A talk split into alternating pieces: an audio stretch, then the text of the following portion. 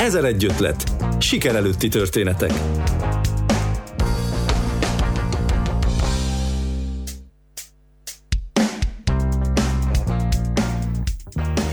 Szeretettel köszöntöm hallgatóinkat, P. Kristálybe vagyok. Rengetegszer beszéltünk itt a rádióban is a Filmtet Egyesület különböző programjairól, kiadványairól, a Filmtet Fest során látott filmekről, a Filmtet Distribution által Erdélyben forgalmazott produkciókról, a portált működtető szerkesztőség munkájáról, vagy éppen a forgalmazás csinyáról, bínyáról, viszont kevesebb szó esett. A filmtet nyomtatásban megjelenő mozgóképes havilapként indult 2000 júniusában, és 2008 januárjáig 76 lapszámot jelentetett meg. Az átállás a nyomtatottból az onlineba felrázta a szerkesztőséget és új energiával töltötte el. A mai ezer ötletben ennek a munkának a folyamatát ismerhetik meg, de az erdélyi filmforgalmazásról, a filmtet szakmai programjairól is beszélgetünk. Meghívottunk Jakab Benkenándor főszerkesztő és Zágoni Bálint ügyvezető.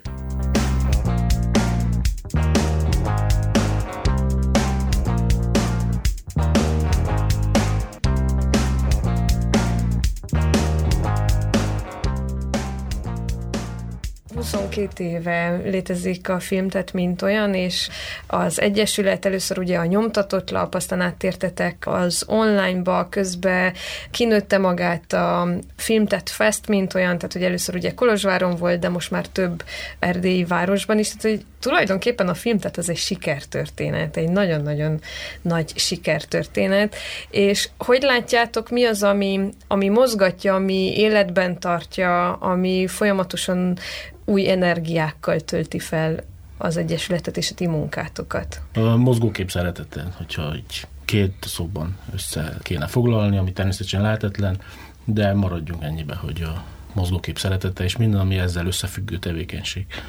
Csak egyet tudok érteni Nándival valóban a mozgókép szeretete. Igen, az, hogy ezt, ezt nem csak egyszerű munkahelyként próbáljuk felfogni, hanem tényleg lelkesedünk azért, amit végzünk, és mindent beleteszünk. Általában az, amikor valaki át kell álljon a nyomtatottról, vagy át kellett annak idején, mert hogy nagyjából mindenki most már lassan átállt a nyomtatottból onlineba, vagy hogy amikor vannak ezek a nagy váltások, az meg szokta rázni a szerkesztőségeket, a csapatokat. Szerintetek mi jelenleg a Filmtet Fest számára az egyik legnagyobb kihívás, vagy a Filmtet számára? Én nem azt mondanám, hogy megrázott, hanem inkább felrázott most ne felejtsük el, hogy nem teljesen nulláról kellett indítsuk a honlapot, hanem már létezett egy honlap verziója a filmtetnek párhuzamosan a nyomtatott lappal, és nagyjából annak idején, tehát a 2000-es évek közepén ugyanúgy működött, mint minden akkori sajtóterméknek az online verziója. A havilapban megjelent anyagok késéssel átkerültek az internetes felületre. Ne felejtsük el, hogy akkor még az internet penetráció az nem volt sem Magyarország, sem Románia szinten kimagasló. Azóta ugye nagyon sok víz lefolyt a Szamoson, és 2008-ban álltunk át csak online sajtótermékre, és ez, amit mondtam az előbb, nem meg, hanem inkább felrázott. Megpróbáltuk a, a pozitív oldalát látni az egésznek, ez pedig azt jelentette, hogy sokkal gyorsabban lehet reagálni a világ történéseire, ugye napi szinten tudtunk onnantól kezdve frissülni, eljuthattunk olyan helyekre, ahova addig nem lehetett eljutni, mivel hogy az a nyomtatott sajtó terjesztése akkor se volt leányállam, most már végleg egy katasztrófa, úgyhogy nekünk ez igazából egy jó jött, mondhatni. Hiányzik a, a nyomtatott lap illata, ez a, ez a jó kis nyomdaszag, amit néha-néha pótolunk egy-egy kiadványjal, egy-egy fordítással, egy-egy emlékkötettel, de alapvetően ezt mi nem éljük meg negatívunként. Annyival egészíteném ki Nándit, hogy ugye ez 2007-2008-ban történt meg a, az átállás, és akkor még ez, ez sokkal, ahogy te is mondod, sokkal kockázatosabb döntésnek számított, mint most, amikor elég egyértelmű, hogy most már minden online térben zajlik, és hát igen, megvoltak ezek a, a pozitívumai, amit Nándi is említett, illetve költséghatékonyabb is volt, de hogy volt egy ilyen nagy bizonytalanság, hogy jó, de hát akkor az mégis nem lehet kézben fogni, megmarad, elveszik az online térben, teljesen másként működik. És annyit mondanék, hogy az az érdekes, hogy azt gondoltuk, hogy ilyen nagy mértékben, vagy nagy mértékű váltások nem, nem következtek be azóta, de hát most is tanúi vagyunk egy, egy hasonló méretű váltásnak. Ugye az olvasói szokások teljesen másképp működnek most a mobiltelefonok világában és hát mi is látjuk, nyomon követhető, hogy, a, hogy az olvasótáborunknak egyre nagyobb aránya most már mobilról olvassa a filmtettet, ami azt jelenti, hogy hát mi is azért meg kell gondoljuk, hogy valamilyen szinten, hogy milyen jellegű szövegek mi az, amit az ember mondjuk a buszon utazva el tud olvasni, de hogy ha lehet, akkor azért ne menjen a, a kárára annak, hogy ne jelentse azt, hogy csak mondjuk 3000 leütéses, rövid nyúlfarknyi kritikákat teszünk közzé, hanem azért maradjanak meg a, a fajsúlyosabb értékes szövegek is. De gondolom ki nyílt ezzel, tehát hogy az online-ba való áttérések kinyílt az olvasóitoknak a bázisa, tehát hogy más az, amikor valaki megvásárolja le egy lapot, és ezt végiglapozza, úgy gondolom, hogy inkább a szakma volt az, aki olvasott titeket, de most már akárki hozzáfér az anyagaitokhoz, és alakult-e ez alapján? Mondtad, hogy azért csak törekszetek arra, hogy megmaradjanak a fajsúlyos anyagok. Abszolút alakult, és nem is az, hogy alakult, hanem folyamatosan alakul. Ez, amit mondott Bálint az előbb, hogy, hogy volt egy bizonytalanság, ez bizonytalanság egyáltalán nem szűnt meg, folyamatosan változik minden effektíve. Tehát sokkal, sokkal gyorsabban változik, mint annak idején a, a nyomtatott sajtónál, maga az, hogy hogyan jelenítesz meg egy sajtóterméket. És néha azt érezzük, hogy loholunk saját magunk után, de, de ugyanakkor meg, megpróbáljuk belakni ezt a folyamatosan változó internetes teret, azzal, hogy bizonyos közösségi médiákban ott vagyunk, meg hogy hogyan szólalunk meg itt vagy ott. De attól függetlenül a, a nekünk a honlapunk a, az otthonunk, tehát hogy azt azért megőrizzük. Illetve az az érdekes, hogy, hogy azt látom legalábbis én, hogy azért valamilyen szinten kiszolgáltatottak vagyunk. Most ugye nem mondjuk a nyomdának, hogy a nyomdaidőben kinyomtatja a lapot, és eljut el az olvasókhoz, hanem hát a nagy keresőmotoroknak, meg közösségi oldalaknak, amelyek hát egyik napról a másikra változtatnak a beállításon, és azt mi látjuk, hogy akkor éppen esik-e az olvasottsága a lapnak, vagy nem, de hát természetesen erre is próbálunk megoldást találni, és amennyire lehet úgy elérni az olvasókhoz, hogy ezeket a bizonytalanságokat kiküszöböljük. Egyaránt találunk cikkeket, kritikákat, portrékat is az oldalon, de tanulmányokat is, tehát hogy most, hogyha fellátogatunk a filmtetnek az oldalára, akkor pont a fő oldalon egy tanulmány van. Hogyan áll össze a szerkesztőség? Mert hogy én az az olvasó vagyok, aki megszokta nézni, hogy például ha kritikáról van szó, akkor mindenképp megszoktam nézni, hogy ki írja, kinek a véleményeit olvasom egyáltalán, és nagyon sok olyan név van, akit én nem föltétlenül tudok arcra beazonosítani. A vicces az, hogy valakit még én se. Jó, ez csak félig vicc. Teljesen rendhagyó a, az, hogy hogyan működik a filmtetmény szerkesztőség. Ez igazából annak köszönhető, hogy más a szerkezete, mint a klasszikus napilapos, hetilapos vagy havilapos szerkesztőségeknek. Itt van egy nagyon kemény mag, és ez nagyon kicsi, ez a kemény mag, viszont nagyon-nagyon sok tehetséges és fiatal állandó szerző, vagy többé-kevésbé állandó szerző gravitál e között a kemény mag körül, és igazából ezért van az, hogy vannak ismeretlen nevek, vagy ismeretlen arcok, és ez folyamatosan változik. Egyébként, hogy mondjam, ez szakmai kihívások közül ez az egyik legnagyobb, hogy frissen tartani magát a szerző gárdát, ami egyrészt kényszer, mivel hogy nem úgy működünk, hogy akkor mit van 30 szerkesztőségi tag, hanem csak három, plusz kettő van, és akkor ez a körülöttünk levő nagyon sok ember kell ellássa írásokkal a honlapot, viszont nem mindenki tudja a szabadúszó élettel járó bizonytalanságot sokáig menedzselni, így aztán tényleg cserélődik a, a szerzőgárda, és igazából úgy érzem, hogy a filmtet, mint, mint név, az pont, hogy azt akar jelenteni, egy garancia, hogy, hogy ezek a folyamatosan változó arcok azért valamilyen egy közös nívón tudnak alkotni. Tehát igazából ez, ez a szakmai kihívás az egészben. Ez egy ilyen elcsépelt szó, hogy határokon átívelő, és most már mindenféle tartalom is került mellé, viszont értelmezhető-e úgy a filmtet, mint csapat, aki valahogy így összeköti az erdélyi filmes szakmát, esetleg a bukaresti, a román filmes szakmát és a magyarországit? Sőt, ez az egyik fő célunk mondhatni. Ugye a nevében is ott van egy erdélyi filmes portál, tehát az az identitásunknak egy nagyon fontos része, és nagyon szeretünk és szeretnénk mindig napra készek lenni mindennel, ami Erdélyben filmes eseményben, filmes dolog. Viszont az tagadhatatlan, hogy az olvasóink nagy része most már Magyarországról jön, a szerzőnknek egy tetemes része is magyarországi. Ezzel együtt viszont nálunk jelennek meg rendes, hogy mondjam, kritikaként felfogható szövegek a, a román filmekről. Tehát, hogy igen, ez is egyfajta szerep, amit megpróbálunk betölteni, egy kicsit ilyen híd, bármennyire is patetikusan hangzik ez a, ez a, ez a híd kifejezés, de igen, tehát nekünk nagyon fontos Budapest is, Bukarest is, de Kolozsvár a legfontosabb. Egy kicsit maradnék itt a kritikáknál, hogy az mindig egy kérdés szokott lenni, vagy általában egy kérdés szokott lenni, hogy akkor hogyan működik a kritikaírás, mint olyan, és hogy nálunk Erdélyben egyáltalán van-e ilyen, főleg olyankor, amikor közel közelről ismered a, az alkotókat, ti működtettek kritikaíró workshopot is, hogy látjátok ezt a, a kritikaírás műfaját? Az ez, ez nagyon messzire vezetne ez a beszélgetés, mert kicsit akkor elmehetnénk ilyen elméleti vonalba, hogy az online hogyan alakította át magát a filmkritikát, és hogy a mai értelemben vett online filmkritika az igazából egy hibrid műfaj, ami nagyon sok korábbi filmről szóló újságírói műfajt olvasztott magába, de akkor nem menjünk el nagyon messzire, hanem válaszolva a kérdésedre, igen, létezik kritikaírás, és mi büszkénk vagyunk arra, hogy ennek az egyik motorja vagyunk Erdélyben mindenképpen. Ha nem is konstans workshopot, de versenyeket szoktunk rendezni, de workshopot is rendeztünk, tehát ez egy, ez egy folyamatosan folyamatosan ott tartjuk. Nemrég ugye mentorálási programunk is volt, ez egy ilyen több hónapos dolog volt négy fiatallal, akiket nem csak kritikai írás, hanem mindenféle más sajtóműfajok rejtelmeibe is bevezettünk, ugye interjú, meg szintetizáló jellegű tanulmányokat is írtak.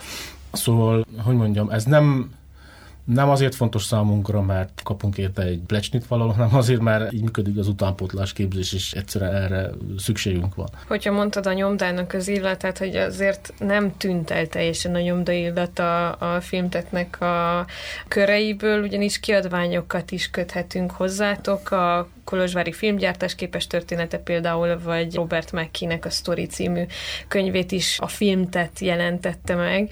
Ez hogyan működik nálatok? Mi az, ami, tehát van egy hiány, amit, amit úgy gondoltok, hogy akkor most erről muszáj egy könyv megjelenjen, vagy hogyan alakul ez, hogy mi jelenik meg a filmtetnél? Igen, ez a két cím, amit említettél, ezek valóban ilyen okból jelentek meg. Egyrészt, mert a, a Mekki, amit ugye a részben Nandi fordított, azt úgy gondoltuk, hogy magyar nyelven nincs igazán egy olyan szakkönyv, ami a forgatókönyvírásról szól. Ennek ellenére, hogy jelent meg még Szitfilm kötetének is a magyar fordítása, és hasonlóképp a Néma filmgyártásról szóló kötet, az ugye 2011-ben jelent meg, ha nem tévedek, az is talán nagyon sok év után az első olyan kiadvány volt, ami a kolozsvári filmgyártással foglalkozik. Amúgy azt megemlíteném, hogy az nekünk fontos, hogy a, és ez is valahogy meghatározza a filmtetnek az identitását, hogy az erdélyi mozgókép történetével is foglalkozunk, és nem csak olyan szinten, hogy mondjuk interjúkat közlünk, hanem igyekszünk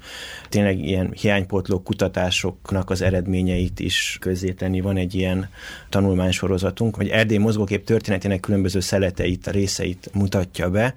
Ez most már azt hiszem, hogy ötödik éve igyekszünk megjelentetni ezzel kapcsolatosan tanulmányokat, és ugye tavaly ennek volt az egyik eredménye, hogy az iskola alapítványal közösen megjelentettünk egy tanulmánykötetet, amiben a, hát az általunk legfontosabbnak ítélt szövegek jelentek meg. Azt hiszem ez is egy, egy első, hogy Erdély mozgókép történet kapcsolatosan egy tanulmánykötet jelent meg, és hát én bízom abban, hogy úgy, ahogy most az elkövetkező időszakban is jelennek meg hasonló szövegek, hogy ezek ből is majd születik egy nyomtatott formában egy tanulmánykötet majd valamikor jövőre, vagy 2024-ben. Ez is egyfajta ilyen célkitűzése ezek által a könyvek által is például, hogy valamilyen szinten a, akár a kritikai utánpótlást, akár a filmes szakmának az alakítását így kézbe vegyétek? Hát a kritikai írók utánpotlását azt igen, többé-kevésbé kézbe vettük. Maga a filmes szakma utánpotlása az hál' Istennek most már két szakon is zajlik magyar nyelven, de ettől függetlenül az Egyesületünk az már elég régóta foglalkozik ezzel az utánpotlással is, akkor lassan rátérhetünk a táborra, amit az idén nem szerveztünk meg ugyan, mindenféle objektív, és nem mondjuk el a vírus nevét többet, mert szerintem túl gyakran elhangzott az utóbbi időben, de úgy néz ki, hogy jövőre megint meg fogjuk szervezni a, az alkotótábort, ami Hát másképp indult, amikor annak idején indult, és pont ezzel együtt fejlődött, alakult, hogy megszülettek és kifejlődtek az Erdélyben magyar nyelven oktató filmes szakok mindkettő Kolozsváron, és ezzel együtt mondom, a szerepe is átalakult egy kicsit, de úgy látom, hogy az igény az egyáltalán nem szűnt meg erre a táborra, attól függetlenül, hogy most van vagy nincs magyar nyelven oktatás a témában. Úgy érzem, hogy inkább egy újabb lépcsőfok sokkot jelent ez a tábor az egyetem befejezése és egy profi filmkészítés között. De hát, illetve egy olyan, olyan gyakorlati műhely vagy képzést, amit viszonylag nehéz egyetemi körülmények között is reprodukálni, azt, hogy két hétig gyakorlatilag a, az oktatók és a, a hallgatók együtt élnek, egy helyen vannak, és úgy próbálnak közösen alkotni ez szerintem tényleg nagyon sokat tud jelenteni egy kezdőfilmes számára, akár egy színészről, egy rendezőről, vagy egy vágóról, hangmérnökről lenne szó. És az a két hét az elegendő idő, hogy létrejöjjön egy, egy filmes alkotás. Nyilván, hogy rövid filmekről van szó, de hogy akkor is az egy nagyon kemény munka. Sőt, régebb sokkal több film készült el a táborban, de azok persze rövidebbek voltak, ezért mondom, hogy folyamatosan alakul maga a tábornak a szerepe is. Akkor egy oktatáspótló tevékenység volt, és ennek értelmében tényleg ilyen két-három perces kis filmek készültek.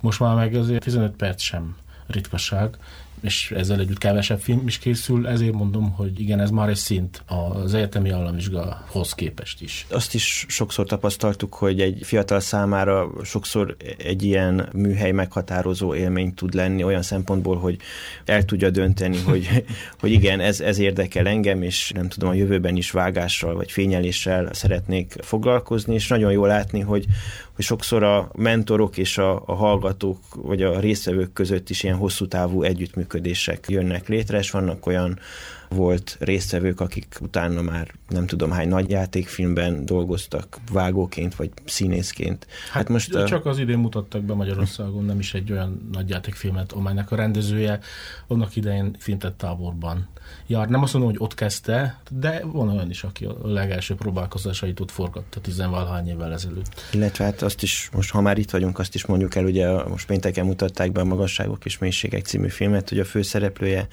Pál Emőke, úgy tudom, hogy a táborunkban volt először ilyen kamera előtt színészként, és a rendező is egy tábori filmben látta meg őt, és akkor döntött el, hogy hát utána jár, hogy kicsoda ez a színésznő, és egy ilyen nagyon gyümölcsöző, sikeres együttműködés lett az eredménye. Mennyire tudtok most így a pálemőke esetéből kiindulva jutott eszembe, hogy mennyire tudtok együttműködni az erdélyi színész képzéssel, oktatással, tehát hogy van-e egyfajta párhuzam, van-e egyfajta egymást támogató légkör ebben? Úgy gondolom, hogy olyan szempontból ez más ez a képzés, tehát nem olyan, mint például az egyetemek között, hogy akkor a filmrendező szakon akkor megkeresik a a, a színészeket, hanem ez tényleg egy évben két hetet tart. Ennek ellenére úgy tudom, hogy ez egy ismert és keresett képzés a színészek körében is. Ezt alá tudom írni, folyamatosan kérdezik, hogy na lesz-e tábor. Tehát lehet, hogy talán a színészek számára a legfontosabb, mert vágók azok tanulnak vágást az egyetem. Operatőrek azok tanulnak, stb. Színészetet nagyon keveset tanulnak az erdélyi egyetemeken vagy főiskolákon, konkrétan filmszínészetet, mert hogy az a képzés igazából a világot jelentő deszkákra van szabva, főleg. Szóval igen, ez folyamatosan visszatérő kérés, hogy, hogy akkor lesz egy hány hely lesz, meg ilyenek, szóval, szóval igen. A sajtónak van egy olyan rossz tulajdonsága, hogy általában akkor figyel fel a dolgokra, a sikerekre, amikor nyereményt lehet vigyeszteni utána, tehát hogy XY-nak a filmje itt és írt azon a fesztiválon nyert. És ez azért is rossz, mert hogy szerintem már az is egy nagyon nagy dolog, amikor részt tud venni egyik másik kisfilm, film vagy alkotócsoport ilyen fesztiválokon, mert ugye egy szakmai találkozásra ad lehetőséget, és oda akarok kiukadni, hogy mennyire tudjátok a, a film, tehát workshopon elkészülő filmeket támogatni abban, hogy különböző fesztiválokon vegyenek részt utána elkészülnek a filmek, mi is valamilyen szinten báváskodunk ezek fölött, és magyarországi, romániai fesztiválokra elküldjük, de ezek nem általában, nem általában a verseny szekcióba, hanem ilyen információs blokként, azonban én azt tapasztalom, hogy a filmek alkotói ezt nagyon tudatosan nevezik fesztiválokra, és tényleg elég sok olyan rövid film és animáció volt, ami után mondhatjuk azt, hogy fényes karrier, de nemzetközi fesztiválokon vett részt és nyert díjat. Amúgy, ahogy mondtad ezt a dolgot, hogy a, a sajtó csak a díjakra reagált, eszembe jutott, hogy van egy ilyen jelenség sajnos mostanában, hogy egyre több fesztivál születik, illetve sajnos olyan fesztiválok is létrejönnek, amelyek igazából nem, amelyeknek nem az, talán az elsődleges célja, hogy megméretkezzenek a, a, a filmek ezen a, a rendezvényen, hanem mondjuk azt, hogy a szervezőknek a haszonszerzése, és nagyon sokszor találkozunk azzal, hogy hát mondhatjuk, hogy ezek ilyen pseudo vagy álfesztiválok, amelyek nagyon bőkezően osztják a díjakat, gyakorlatilag bárki, aki benevezi a, a filmjét valamilyen díjjal tud távozni. Azért szerencsére azt látom, hogy azok a fiatalok, akik részt vesznek a, a táborban, azért különbséget tudnak tenni fesztivál és fesztivál között, és tényleg azokra nevezik be, amelyeknek már van egy múltja, van egy helyszíne, ahol tényleg levetítik a, a filmeket, és van egy tétje is.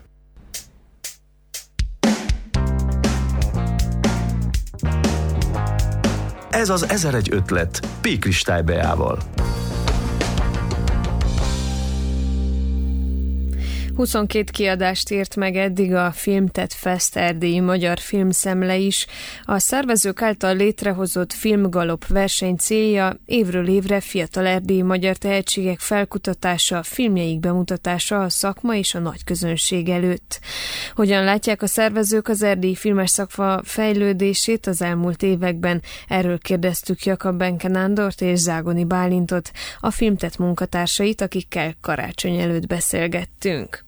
Én nagyon sok fejlődést látok, mint filmgalopkurátor a beküldött filmek minőségében és sokszínűségében, tehát hogy úgy érzem, hogy merészebbek. A mai fiatalok is jobban kihasználják a különböző technikákat, tehát például csak az idei filmgaloppon volt olyan is, hogy fél órás film. Az, tehát hogy az gigantikus meló megcsinálni ilyen kis költségetésből egy olyan fél órás filmet, hogy azért koherens maradjon. Szóval ezt látom, hogy jó úton haladunk. Azt nem mondanám, hogy miattunk van, Biztos, hogy nem miattunk van, de talán van egy kis felhajtó ereje a filmgalopnak is, hogy ha nem egyéb, akkor legalább annyi, hogy hú, most van a nevezés, akkor legalább szedjem össze magam, fejezzem be a filmemet, vágjuk meg, fényeljük meg, hogy, hogy legalább legyen nézhető. Szóval remélem, hogy legalább ilyen szinten van egy ilyen kis húzóereje a filmgalopnak. A saját filmeinket, tehát a táborba készülő filmeket értelemszerűen nem tudjuk ott versenyeztetni, mert az, az sehogy se néz neki, úgyhogy ez is egy kicsit ilyen, egy ilyen rést próbált megtalálni ebben a, a filmes versenyben, és szerintem van erre is igény, ugyanúgy, hogy a táborra, mert kevés hely van, ahol akár csak a két film, vagy három filmszakot, mert hogy ugye a Nagyvár Egyetem is még működik mozgóképes oktatástól, már csak ezek az egyetemek nincs, ahol összemérjék úgymond az erejüket, szóval már csak ilyen szempontból is nagyon hasznos ez a, az a verseny de azt mondanom sem kell, hogy egy fiatal alkotónak, aki mit tudom én, lehet, hogy még be se fejezte az egyetemet, és nyer egy díjat, és kap azzal egy pénzösszeget, amit rá tud költeni a következő filmjére, az mekkora dolog lehet tényleg 20-21 évesen, ez nagy dolog. És mindenképpen motiválja őt arra, hogy új dolgokat találjon ki, és a következő filmtervet is ha még nincs ötlet, akkor mindenképpen fejezze be. A Filmtet Fest amikor én egyetemista voltam, akkor találkoztam ugye először, és akkor is nagyon sokan voltak a, a rész. Persze itt is vannak sikerfilmek, vagy olyan filmek, amik nagyobb közönséget vonzanak, olyan filmek, amik kevesebb, de hogy, hogy mindig volt néző közönsége itt Kolozsváron mindenképp, de hogy azért van most már tíz városban is fesztivál, mert hogy valószínűleg valószínűleg más városokban is érdekli az embereket a, a filmes, a magyar filmes termés. Az, ami a Filmtet Fest során megvalósul, hogy több városban magyar filmek, azokat mennyire tudjátok így egész évben tartani? Van-e például a Filmtet Egyesületnek kapcsolata, állandó kapcsolata más erdélyi mozikkal? Hát igen, és akkor lehet, hogy, hogy majd átevezünk a, a forgalmazás részre. De hát ahogy mondod, egy valós igényből nőtt ki az, vagy fejlődött úgy a, a fesztivál, hogy nem csak Kolozsváron, hanem más városokban is megszervezzük. Most úgy alakult, hogy, hogy idén tényleg 19 településen vetítettek filmeket, amit én személy szerint már egy kicsit soknak is éreztem, mert hogy ez nagyjából úgy működik, hogy, hogy mi egyeztetünk a, a forgalmazókkal, a gyártókkal, az országos kampányt megszervezzük, illetve minden városban van egy helyi szervező, filmező, aki a, technikáira, a helyszínér felel, és helyi szinten népszerűsíti a fesztivált. Hát sajnos ugye a mi szervező csapatunk nem, nem bővült ezzel arányosan, és lehet, hogy tényleg ez a 19 helyszín egy kicsit sok, úgyhogy hogy jövőre ezt, ezt újra fogjuk gondolni, de az a tény, hogy Erdély 19 városából megkerestek, és hogy van egy igény arra, hogy magyar nyelvű filmeket vetítsenek, ez szerintem nagyon nagy szó és amúgy nagyon sok esetben tartjuk a kapcsolatot nem csak a fesztivál idején, hanem számos olyan város van, ahol évközben is vetítenek magyar filmeket, és hát úgy alakult, 2016-ban kezdtünk el magyar filmeket forgalmazni, és az volt a, az egyik fő érv amellett, hogy mennyire abszurd helyzet, hogy elhozunk egy filmet, és akkor egy évben van egy alkalom, vagy mondjuk azt, hogy két-három alkalom, amikor meg lehet nézni a magyar filmeket, vagy egy illető filmet, és hogy tényleg az lenne a, a természetes, hogyha sokkal több magyar film, és sokkal gyakrabban eljutnának a mozikba és a magyar közösséghez. Ami amúgy megjegyzem zárójelben nem egyszerű, hiszen annyira romokban van a, a, a mozi hálózat Erdélyben és főleg Székelyföldön, hogy sokszor nagyon nagy kihívás egy-egy vetítést is megszervezni. Szerencsére tényleg vannak lelkes helyi szervezők, akik ezt bevállalják, és sok áldozatot hoznak annak érdekében, hogy mondjuk udvarhelyen, vagy nem tudom, kézdivásárhelyen is lehessen filmeket nézni. És az, hogy melyik filmek jutnak el esetleg az általatok forgalmazott filmek közül a multiplexekbe, vagy ilyen jellegű kezdeményezés, vagy terv nincs? Van, van, van hogyha valaki besétál talán még ezen a héten, az egyik multiplexben azt hiszem nem szabad reklámozni itt a rádióba, akkor meg tudja nézni a, az egyik olyan filmünket, ami egyébként nem magyar gyártású film, az első olyan filmünk, az a Fűző című, hát ilyen pseudo történelmi szatirikus dráma, nem tudom, hogy mondjam, amiben biztunk, hogy ez a szélesebb nézőközönségnek is szólhat. Mert hogy a magyar filmek úgy nem feltétlenül érik el azt, tehát hogy a befektetett energiát, időt, pénzt nézzük, és hogy hányan nézik meg a filmeket, akkor így nehezen lehet átvinni ezt. Nagyon komplex kérdés, nem biztos, hogy ki tudjuk beszélni egy rövid rádióműsorba, de a, röviden a lényeg az, hogy nem egyszerű és nem olcsó multiplexbe filmet vetíteni. Előszeretettel hasonlítom a, magyar filmek forgalmazását a könyvkiadáshoz, ami ugyancsak ugye, hogy olyan mondhatjuk azt, hogy gazdasági tevékenység, ami önmagában azért nem igazán szokott megtérülni, és hát mi is így vagyunk ezzel, hogy Egyrészt multiplexekben nehezen vesznek be magyar filmet, az az igazság, mert hogy nem igazán konkurencia egy Avatar vagy egy bármilyen amerikai hollywoodi sikerprodukcióval szemben. Sokszor például Marosvásárhelyen is nagyon nehezen tudjuk meggyőzni a, a multiplex mozikat. Itt a legfrissebb példa a magasságok és mélységek, ami ugye tudjuk, hogy a magyar közegben azért egy érdeklődésre tart számot, és egyszerűen a mozi nem vállalta ennek a forgalmazását, úgyhogy ilyen alternatív megoldások a, a helyszíneken tudtuk vetíteni. Tehát ez mindig egy nagy küzdelem, mert hogy azt látjuk, hogy ugye Székelyföldön, ahol lenne igény rá, de nincsen helyszín, és más településeken pedig, ahol szorványban él a magyarság, ott nagyon nehéz meggyőzni, hogy a, például a multiplex mozikat, hogy műsorra tűzék ezeket a filmeket. És igen, ennek van egy anyagi vonzata is, és az az igazság, hogyha most két alkalommal kaptunk uniós támogatást, hogyha ez nem lenne, akkor, akkor valószínűleg nem is tudnánk ezt folytatni. Említetted a magasságok és mélységeket, de ugyancsak ebben az évben a filmtet közreműködésével láthattuk itt Erdélyben is a játszmát, vagy a különfalkát. Hogyan választotok, milyen lehetőségeitek vannak azzal kapcsolatban, hogy milyen filmeket hoztok el Erdélybe? Hát amikor van egy olyan téma, ami az erdélyi közönségnek különösen szólhat, mert van benne mondjuk egy erdélyi színész, vagy mert Erdélyhez is kötődhet, mint például most ugye a magasságok is mélységek, akkor azt mindenképpen megpróbáljuk elhozni. Azon kívül meg hát egy sok, az egész egy sakjátszma, hogy próbálod a fehér parasztot a fekete királynő mellé rakni.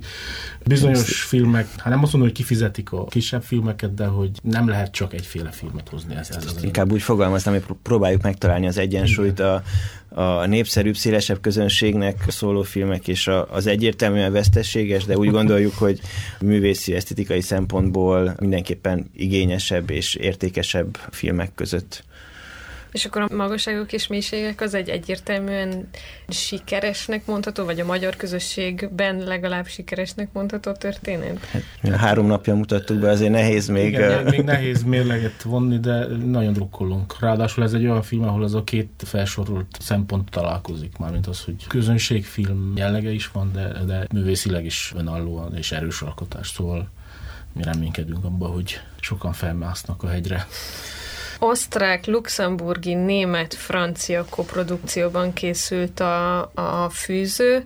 Ez a Sisi személyiséget egy teljesen más megközelítésből bemutató film, és azt hiszem, hogy ez az első nemzetközi produkció, amit a film tett forgalmaz itt Erdélyben.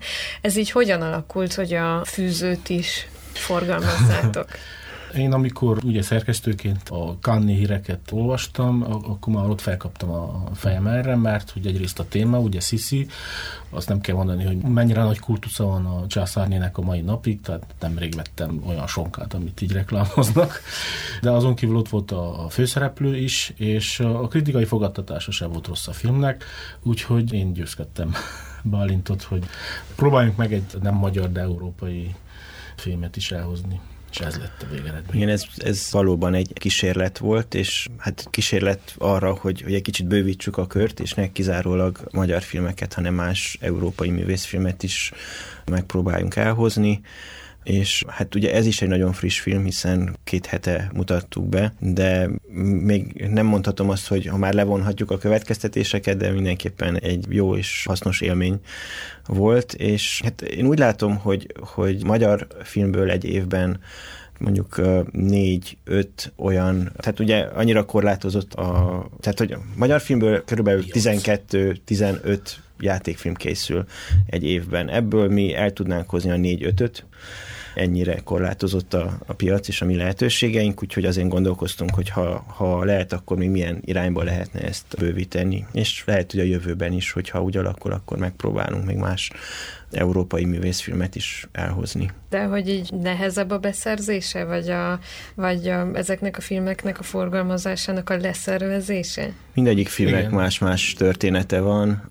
Amúgy nehezebb, igen, és más, amikor mondjuk egy magyar forgalmazóval kell tárgyalás, más, amikor egy franciával, aki, aki nem biztos, hogy ismeri a, az itteni körülményeket, és, és azt, hogy milyen lehetőségek vannak, illetve nincsenek egy-egy film forgalmazásával. Ez a Fűző című film, annak ellenére, hogy Sziszinek nagy a kultusza itt Erdélyben, a magyarok körében is, nagyon sokak számára meghökkentő lehet. Tehát, hogy az, akik a hagyományos sziszit várják a muzikban feltűnni, és azt a fajta kort megjelenítve, úgy megdöbbenéssel is nézhetik ezt a filmet. Ennek láttok-e ebben valamiféle rizikót? Én nem rizikóként tekintettem erre, hanem pont, hogy hülyén fogalmaz, vagy fellengzősen fogalmaz a marketing eszközt. Kicsit fel kell rázni az embereket, fel kell rázni az emberekbe élő, sokszor hamiskás, hát ilyen finom linzer szagú képet, ami él erről a korszakról, és mutatni egy, hát történelmileg nézve egy, mindenképpen egy alternatív, vagy pseudotörténelmi valóságot, vagy, vagy a történelmet csak nyomokban. De azért úgy tudom, azért a történelmi tények szintjén azért eléggé pontos ez a film is, tehát Igen. lehet, hogy egy olyan oldalát mutatja be Sziszinek, ami annyira nem volt romantikus. ismert, vagy nem romantikus, de azért... Igen, de hát most gondoljuk el, hogy egy, egy ilyen személyiségről mennyire ellenőrzött kép élt már az akkori emberek fejében, nem beszélve 100-120 évvel később. Szóval mindenképpen ezeket a történelmi alakokról alkotott képeinket mindenképpen folyamatosan revizionálni kell, vagy át kell nézni, hogy akkor pontosan mi is van. És nem azt mondom a pseudotörténelme alatt, hogy akkor nem úgy volt, mert nagyon sok történelmi tényt tartalmaz, csak maga az egésznek van egy, van egy elemeltsége, ami pont azt hangsúlyozza, hogy ne a kosztümöket nézzed, ne a diszleteket nézzed, mert nem az a lényeg, hanem, hanem a karakter, a személyiség a lényeg, és ez egy nagyon összetett karakter, ami Hát tényleg előtt attól a már szinte képregényszerű fekete-fehér képtől, ami él bennünk ezekről a Nem színes? Hát színes, de hogy úgy értem, hogy nagyon, nagyon egyszerű, tehát nagyon határozott ecsetvonásokkal megrajzolt kép, és ehhez képest szerintem ez a sziszi színesebb, igen. Tehát, hogy mindenféle hibái vannak, és a film az kegyesen elnézi neki ezeket, meg is mutatja ezeket a hibákat. Ezért mondom, sokkal színesebb személyiség, mint egy ilyen nagyon egyszerű Hát nem tudom, mihez tudom hasonlítani. Biztos mindenki ismeri a Svejk, a Derék Katona című Hasek örökzöldet. Na hát ott ugye mivel kezdődik a film, hogy egy légy megbecsteleníti a császár portréját. Na most hát ez a film egy kicsit most ez a légy. Én nem, nem feltétlenül megbecstelenítésnek látom ezt, hanem arra való utalásnak, hogy az, ami, tehát hogy lehetnek pontosak az információink, hogy a történelem során mik és hogyan történnek, de az árt ajtók mögött, hogy mi volt, azt, azt igazából mindenki csak elképzeli, vagy feltételezi, és ez egy másik fajta feltételezés, hogy mit, mik történhettek az árt ajtók mögött. Így van. Ez a műsor lesz az 1001 ötletnek az utolsó ez évig műsora, úgyhogy arra kérnélek titeket, hogy esetleg, hogyha mondanátok egy-egy olyan filmes eseményt, ami 2023-ban történt, és szerintetek meghatározó volt, nem muszáj csak a magyar filmgyártás területéről, ami akár a filmtet szempontjából meghatározó volt. Nem, nem egy eseményt emelnék ki, hanem egy filmet. Nem mi forgalmazzuk, úgyhogy nem marketing üzenetet mondok. A Steven Spielberg új filmét nagyon tudom ajánlani, a Fabelman család a címe, és azért szép, mert a filmkészítésről szól, és arról, hogy hogyan szereti meg valaki a filmet, tehát egy nagyon reflexív film, ugye elsősorban film szeretőknek szól, és egy önéletrajzi filmje ennek a most már veterán rendezőnek, úgyhogy én ezt ajánlom, szerintem még el lehet kapni a mozikban, hogyha sietnek az emberek. Most egy hirtelenjébe egy, nem egy film, hanem egy esemény egy történés jutott eszembe, ami inkább Nándinak az asztala, de ugye, ugye a HBO Go platformról van szó, amelyik hát most elég látványosan levett sorozatokat, nem csak magyar sorozatokat és filmeket, hanem mindenféle nemzetközi filmet a szerveréről, vagy az elérhetőség. Portfóliójából. Igen, és hogy ez valahogy számomra egy előrevetíti azt, hogy milyen módon változhatnak a jövőben is ezek a, az online platformok. Ugye új játékosok érkeztek, idén is a, a Disney érkezett meg, Úgyhogy lehet, hogy egy-két éven belül nem lesz annyira egyértelmű és egyszerű, hogy mondjuk a Netflix és a HBO közül választasz, hanem sokkal nehezebb lesz ez a döntés. De az, hogy kibővül a paletta, nem segít azon, hogy ne egy típusú filmek kerüljenek? Mert hogy például azt éreztem a, a Netflix és a HBO között, hogy azért a HBO próbált olyan filmeket is betenni, dokumentumfilmeket vagy európai filmeket, ami egy kicsit ellensúlyozza, hogyha még jönnek új szereplők, az nem segít a Hát az HBO-nak ez mondjuk a történelméből fakad, hogy kicsit másféle a műsorrácsuk, tehát ez már a Netflix előtt létezett az HBO, és már akkor is ilyen jellegű műsorokat készítettek. Én inkább problémát abban látom, hogy drasztikusan átalakul ezeknek a tulajdonosi viszonya. Ugye nagyon sok ezek közül a streaming szolgáltatók közül anyagi gondokkal küzdik, mert pont a verseny miatt nagyon-nagyon sok pénzt befetszöltek olyan alkotásokba, amik nem is biztos, hogy megtérültek. Ugye Netflixnek is megzökkent a szekere, az HBO is ezért törülget tartalmat nagyon durván, és kicsit ami félelmetes számomra, hogy a jövőre nézve, hogy talán csak azok tudják túlélni, akiknek valamiféle anyacégtől van sokkal több pénzük, például az Amazon vagy az Apple TV. És ugye például a Netflixet egyáltalán nem sajnálom, viszont az HBO-t igen, tehát azt az HBO-t, amit mi ugye megszerettünk, tehát a, a Drót meg a Sopranos gyártóját, azt olyan formában elég rossz érzés lesz temetni. És lehet, hogy ez a fajta konszolidáció, ami zajlik, tehát hogy nem ért véget, igazából nagy tektonikus mozgások vannak ezen a piacon, én nagyon remélem, hogy nem fog az egész világ streaming termése hát disneyfikálódni, hogyha ezt így szabad fogalmazni.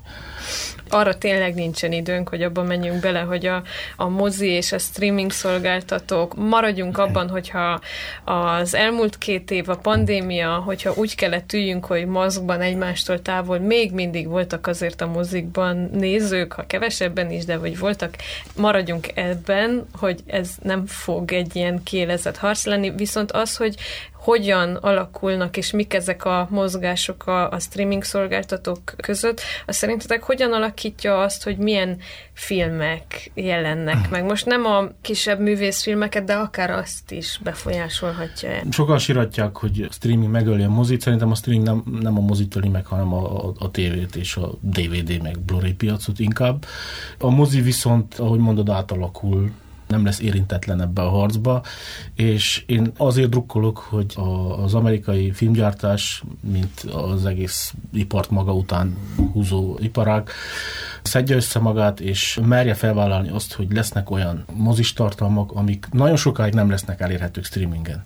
Mert igazából Warner, aki ugye fuzionált az HBO-val, itt lőtte való lábon magát, hogy a nagy versenyhelyzettől feltüzelve azt mondta, hogy akkor rekord kicsi csökkenti ezt a release window-t, ami ugye a mozi bemutató és a, a stream bemutató között van, tehát most már egy másfél hónap, vagy most már annyi se.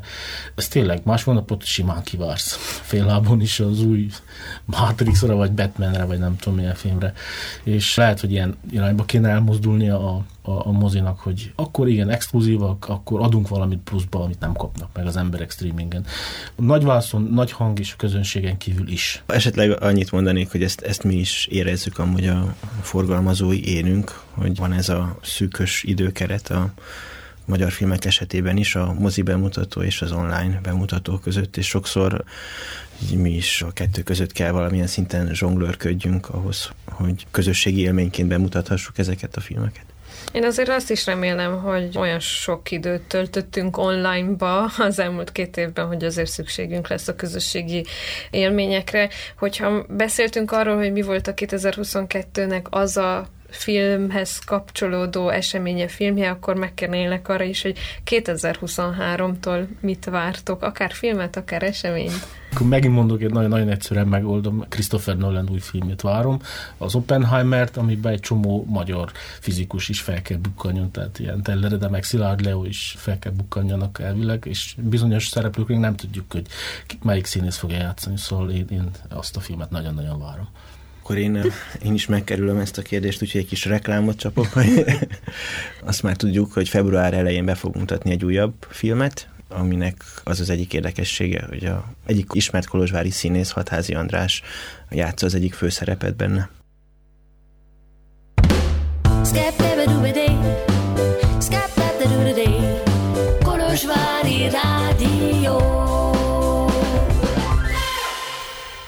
Jakab Benken Andorral és Zágoni Bálintal még karácsony előtt beszélgettünk. Az általuk említett filmek közül a Magasságok és Mélységek címűt, valamint a Fűzőt is lehet látni még néhány erdélyi moziban. Éppen ma, tettek köz, ma tették közé a 2022-es filmtett legeket, és bár ahogy a filmes szakma, úgy a filmtett munkaközössége is nehéz évet zárt, de munkájuk eredményeként megújult a honlap, és számos értékes írás született a szerzők tollából, legyen szó kritikáról, tanulmányról, vagy éppen interjúról. Kövessék 2023-ban is a Filmtett csapatának munkáját. Köszönöm Jakab Benke Nándor főszerkesztőnek és Zágoni Bálint ügyvezetőnek a beszélgetést, önöknek pedig, hogy egész évben velem tartottak. Találkozunk jövőre. Boldog új évet kívánok mindenkinek. P. Kristály Bea vagyok, viszont hallásra.